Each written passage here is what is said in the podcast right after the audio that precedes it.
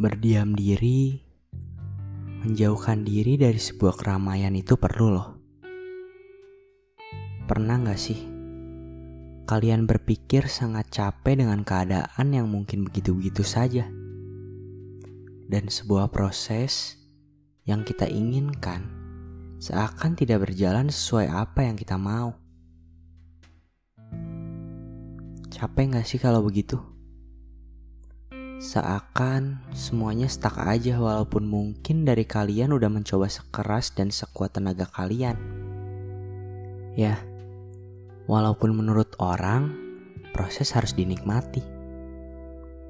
Tapi entah kenapa rasa bosan dan lelah selalu aja datang. Oleh karena itu, hari ini gue cuma mau ngobrol sama kalian lagi via suara Mungkin tak apa judul podcast ini, tapi mungkin gue akan menamainya Gemercik Hujan yang Menenangkan. Ya udah, tanpa panjang-panjang lagi, paling itu prolog dari gue. Mari kita mulai. Halo, kembali lagi dengan gue Lino di Kawan Rindu. Halo, Selamat datang kembali di hari Sabtu. Gak kerasa ya? Apa kabarnya nih? Senang bisa bertemu kalian lagi. Walau tiap minggunya kita hanya bisa berbicara sebentar saja. Tapi gue seneng kok bisa berdiskusi dengan kalian. Ngomong-ngomong, kalian bingung gak sih? Kenapa judulnya bisa gemercik hujan? Ya, saat ini gue sedang duduk di kamar gue sambil mengetik naskah ini. Gue mengetik naskah ini dengan melihat ke jendela luar, ditemani dengan segelas kopi di sisi gue. Ya benar, saat ini sedang hujan. Saat gue melihat hujan, seakan diri gue menjadi tenang saat ini.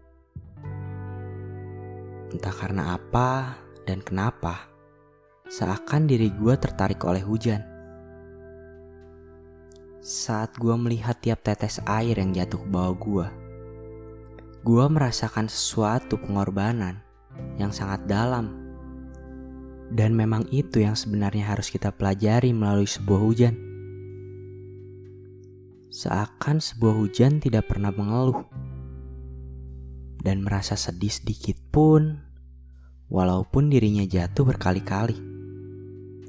Mereka selalu berusaha untuk menguap kembali saat siang hari dan kembali menjadi benih-benih air di langit itu.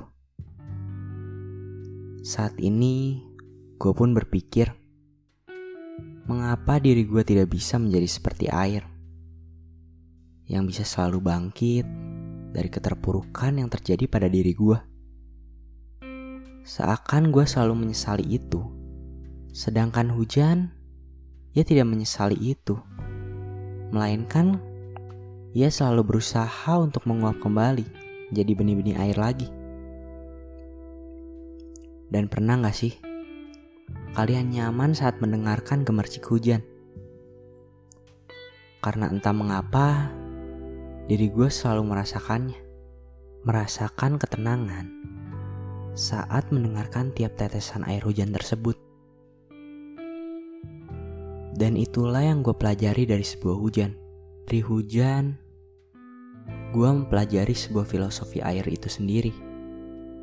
Yaitu, jatuh berkali-kali tanpa sedikit pun menyesal. Dan mengeluh pada sebuah takdir dan sesuatu hal yang sebenarnya sudah harus terjadi.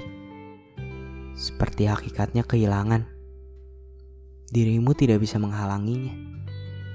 Pada saatnya, dirinya akan hilang juga. Dan seperti hujan, pada saatnya dirinya akan jatuh juga. Oleh karena itu, hujan selalu mengajarkan gue sesuatu.